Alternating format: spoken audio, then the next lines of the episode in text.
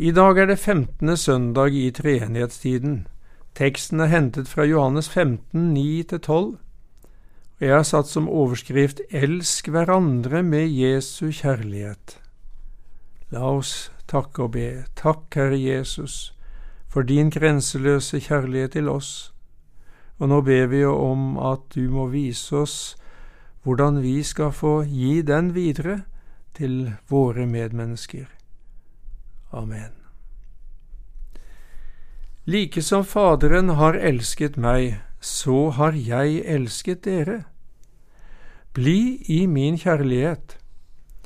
Hvis dere holder fast på mine bud, da blir dere i min kjærlighet, liksom jeg har holdt fast på min fars bud og blir i hans kjærlighet.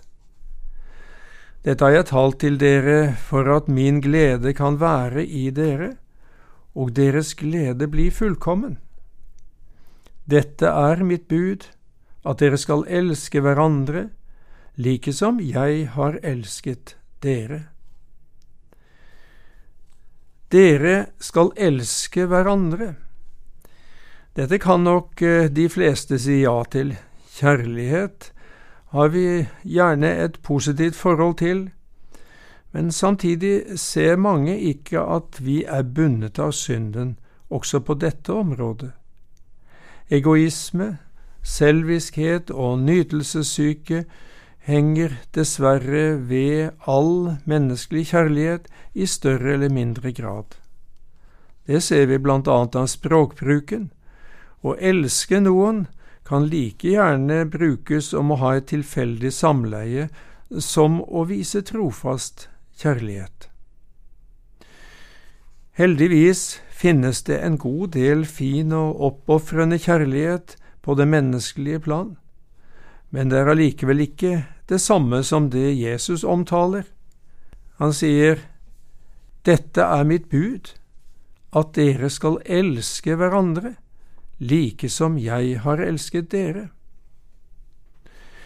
Det er Jesu rene og guddommelige kjærlighet som skal være kilde og modell for vår kjærlighet. Uten denne blir ikke vår kjærlighet noe annet enn lyd og tomme gjerninger. Paulus skriver det slik i Kjærlighetens kapittel, 1. Korinterbrev 13. Om jeg taler med menneskers og englers tunger, men ikke har kjærlighet, da er jeg en lydende malm eller en klingende bjelle. Om jeg har profetisk gave og kjenner alle hemmeligheter og all kunnskap, og om jeg har all tro så jeg kan flytte fjell, men ikke har kjærlighet, da er jeg intet. Og om jeg gir alt det jeg eier til mat for de fattige, og om jeg gir mitt legeme til å brennes, men ikke har kjærlighet, da gagner det meg intet. Det så ut til at alt var på stell i menigheten i Efesos. Likevel manglet det vesentligste. Derfor må Jesus si, Men jeg har imot deg at du har forlatt din første kjærlighet. Det nære og varme forholdet til Jesus var borte. Kornelius viste kjærlighet ved å gi mange almisser til folket, hører vi, i Apostelens gjerninger 10 men han manglet likevel det nye livet og kjærlighetens ånd. Det fikk han først del i da han kom til tro på Jesu Kristi navn. Johannes 15,9 understreker Jesus grunnlaget for at disiplene kan elske hverandre. Likesom Faderen har elsket meg, så har jeg elsket dere. Bli i min kjærlighet. Det er et veldig ord. Gud Faders kjærlighet til sin Sønn er fullkommen, for Gud er kjærlighet. Denne fullkomne kjærligheten er det så Sønnen viser disiplene sine, ja, alle som tror på ham. Derfor sier han, Bli i min kjærlighet. Sørg for å leve i et slikt forhold til meg at jeg fortsatt kan øse ut min kjærlighet over dere. Hvordan? I det neste verset klargjør Jesus dette. Hvis dere holder fast på mine bud, da blir dere i min kjærlighet. Hva er Jesu bud? Jesu bud er uttrykk for Hans vilje, slik vi møter den i Hans undervisning og belæring. Hva er det sentrale der? Jo, står det i 1. Johannes brev 3, dette er Hans bud, at vi skal tro på Hans Sønns Jesu Kristi navn og elske hverandre, slik Han bød oss. Jesu bud gjelder for det første vårt forhold til Ham, at vi skal tro på Hans Sønns Jesu Kristi navn. Når du lever i tillit til Jesus som din frelser, blir du i Jesus og i Hans kjærlighet. Du er uavbrutt gjenstand for all Hans miskunnhet og nåde. Gud ser deg i Jesus fullkommen og rein. Men den andre hoveddelen av hans bud hører også med, og elske hverandre slik han bød oss. Du kan altså ikke ta imot Jesu kjærlighet uten selv å prøve å gi den videre til andre. Du kan ikke selv leve under Hans nådes sol uten å prøve å trekke andre inn i det samme varme lyset. Hvis du tenker egoistisk og ønsker å nyte Jesu kjærlighet uten å være villig til å gi den til andre, ja, da mister du den til slutt selv. Det blir som israelittene som eh, ville sikre seg ved å samle dobbelt opp med manna under ørkenvandringen. Hva skjedde med den? Jo, den råtnet og ble dem til ingen nytte. I første Johannes brev blir betydningen av kristen søskenkjærlighet understreket flere ganger.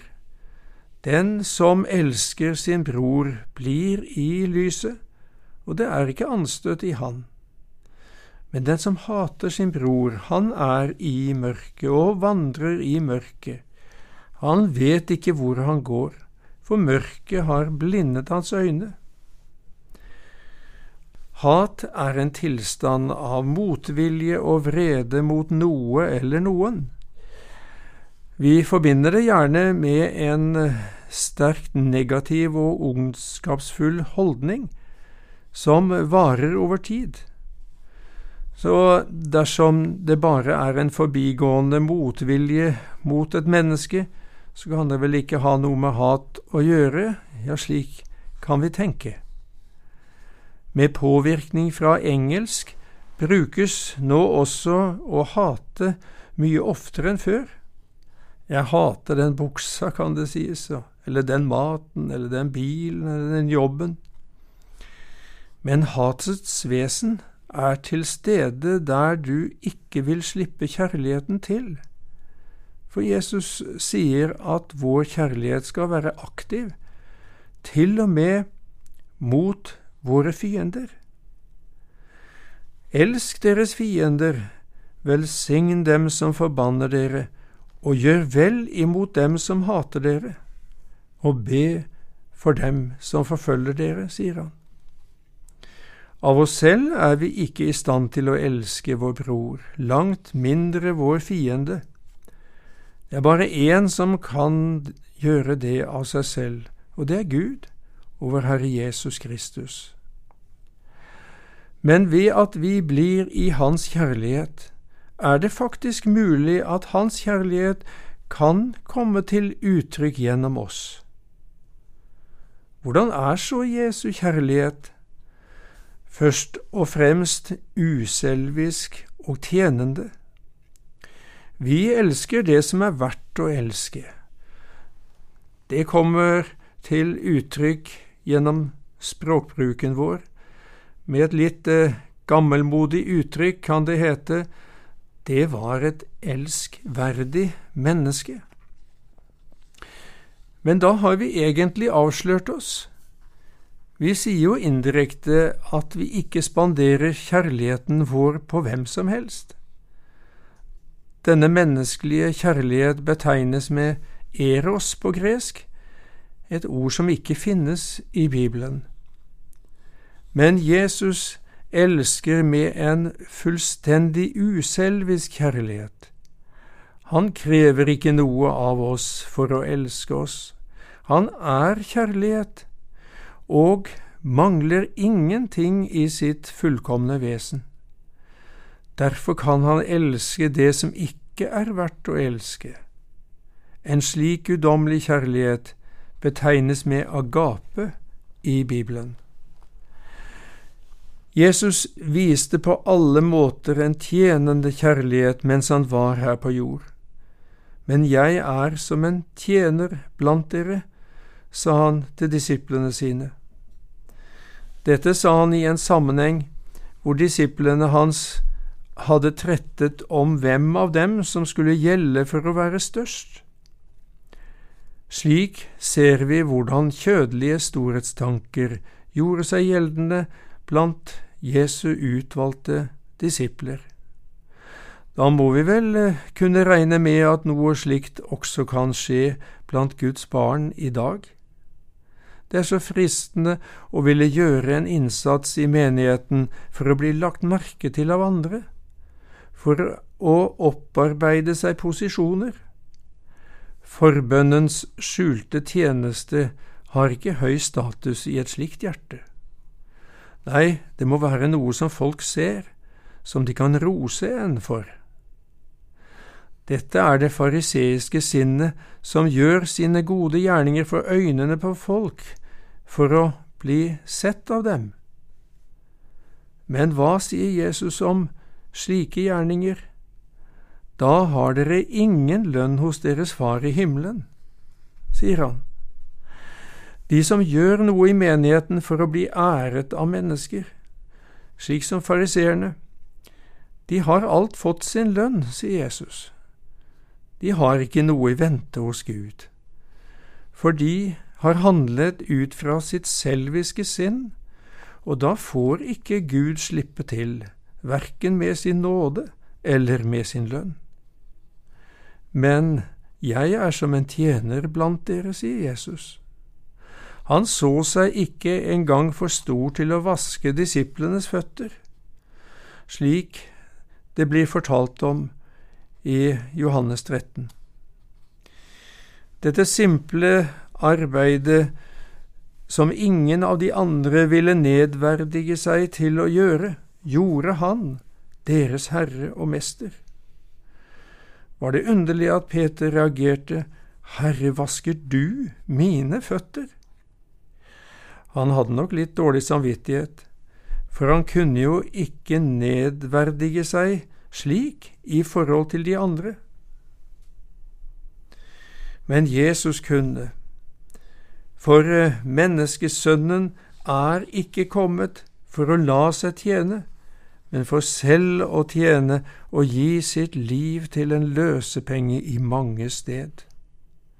Som Guds sønn var Jesus så stor at han med full rett kunne forlange å bli tjent av alle mennesker. Men da hadde det blitt til dom for oss, for ingen av oss hadde vært i stand til å tjene en slik hellig Gud og Herre. Vi var ikke verdige til det. Derfor måtte han komme som vår stedfortreder som det fullkomne menneske, den hellige og perfekte tjener som vi skulle ha vært. Det var vi som skulle ha tjent Gud og vår neste med et rent og ydmykt sinn. Men du har kanskje innsett hvor fjernt vi er fra noe slikt, i oss selv. Derfor ligger det et fantastisk evangelium i det Jesus sier men jeg er som en tjener blant dere. Der vi var ulydige og egenrådige, var han fullt og helt lydig og ba, La din vilje skje, bare din. Der vi var stolte og egoistiske og ikke ville hjelpe, spurte han, Hva vil du jeg skal gjøre for deg? Der vi ville berge vårt eget liv og vår ære, var han villig til å bli vanæret og ofre alt. For menneskesønnen er ikke kommet for å la seg tjene, men for selv å tjene og gi sitt liv til løsepenge i mange sted. Jesus måtte gi livet sitt i ditt sted for å kjøpe deg fri fra selviskhetens ubetalelige skyld. Det er det sterkeste eksempelet på hans tjenersinn. Ingen har større kjærlighet enn denne, at han setter sitt liv til for vennene sine, sier Jesus i teksten vår. Det er en generell erkjennelse, men her er det den fullkomne Guds sønns liv det er snakk om. Han som er Guds sønn fra evighet av, fornedret seg selv og ble lydig til døden, ja, døden på korset. Han som hadde alt og hadde rett til å kreve alt, var villig til å gi avkall på alt og gi alt sitt liv. Og han døde ikke på en nøytral og verdig måte, om vi skal si det slik, men på et kors. For romerne var dette et grusomt dødsredskap for forbrytere og landssvikere. For jødene var det et uttrykk for å være under Guds forbannelse. Og det var jo nettopp det han var, for vår skyld. For Jesus skyld kan du få legge ditt selviske liv bak deg og glede deg over at Jesu fullkomne tjenerliv gjelder deg. Ved troen på ham blir du nemlig tilregnet hele hans fullkomne liv, hans rettferdighet. Da blir du stående for Gud med alt det Jesus har, også med en fullkommen kjærlighet. Om du kjenner på trangen til å hevde deg selv, kan du takke Jesus for at det er hans tjenersinn som gjelder for deg og for Gud. Det er på denne bakgrunnen at Jesu formaning kommer i rett lys. Dette er mitt bud, at dere skal elske hverandre, like som jeg har elsket dere. Det underlige er at jo mer du ser på Jesus og hans tjenende kjærlighet, jo mer får du lyst til å leve ut dette i møte med dine medmennesker, både i menigheten, i hjemmet og på arbeidsplassen. For den som tar imot frelsen i Jesus Kristus i tro, han kommer i personlig kontakt med Jesus. Jesus flytter med Den hellige ånd og sin egen kjærlighet inn i hjertet ditt. Guds kjærlighet blir utøst i vårt hjerte ved Den hellige ånd som er oss gitt. Ja, du har fått Jesu eget sinn og hans natur. Vi har Kristi sinn, heter det i første Korinterbrev 2. Dette nye sinnet lengter etter å utfolde seg gjennom deg. Kristi kjærlighet tvinger oss, skriver Paulus til korinterne. Hans kjærlighet holder deg fast og pusher deg, ikke som en tung plikt, men som et stort privilegium. Nå er det du og jeg som følger Jesus, som skal vise en uselvisk og tjenende kjærlighet mot våre åndelige søsken. Dere skal elske hverandre, like som jeg har elsket dere. Denne kjærligheten er faktisk ett av kjennetegnene på at vi følger Jesus. I kapittel 13 hos Johannes står det av dette skal alle kjenne at dere er mine disipler, om dere har kjærlighet til hverandre. Det er viktig at kjærligheten ikke bare blir vakre ord. Mine barn, la oss ikke elske med ord eller med tunge, men i gjerning og sannhet, står det i 1. Johannes brev 3. Her er Jesus vårt store forbilde. Når da jeg som er Herre og Mester har vasket deres føtter, så skylder også dere å vaske hverandres føtter. For jeg har gitt dere et forbilde, for at også dere skal gjøre slik som jeg har gjort mot dere. Jesus vil at vi skal hjelpe hverandre med det som ingen andre vil gjøre, og enda viktigere, Jesus vil at vi skal hjelpe hverandre til å leve i den daglige renselsen for våre synder, slik at vi blir bevart hos Han. Nå er det ingen av oss som er kvitt vår gamle, egoistiske natur. Den vil fortsatt nyte. Men når du får lyst til å si nei til en oppgave fordi du synes den er for simpel for deg, må du se på Jesus og hans tjenersinn. Tenk hva han ofret for å fri deg fra selviskheten din. Vil du ikke heller følge han på tjenerveien og være et redskap for hans kjærlighet? Men husk at det alltid begynner hos Jesus. Vi elsker fordi Han elsket oss først. Amen.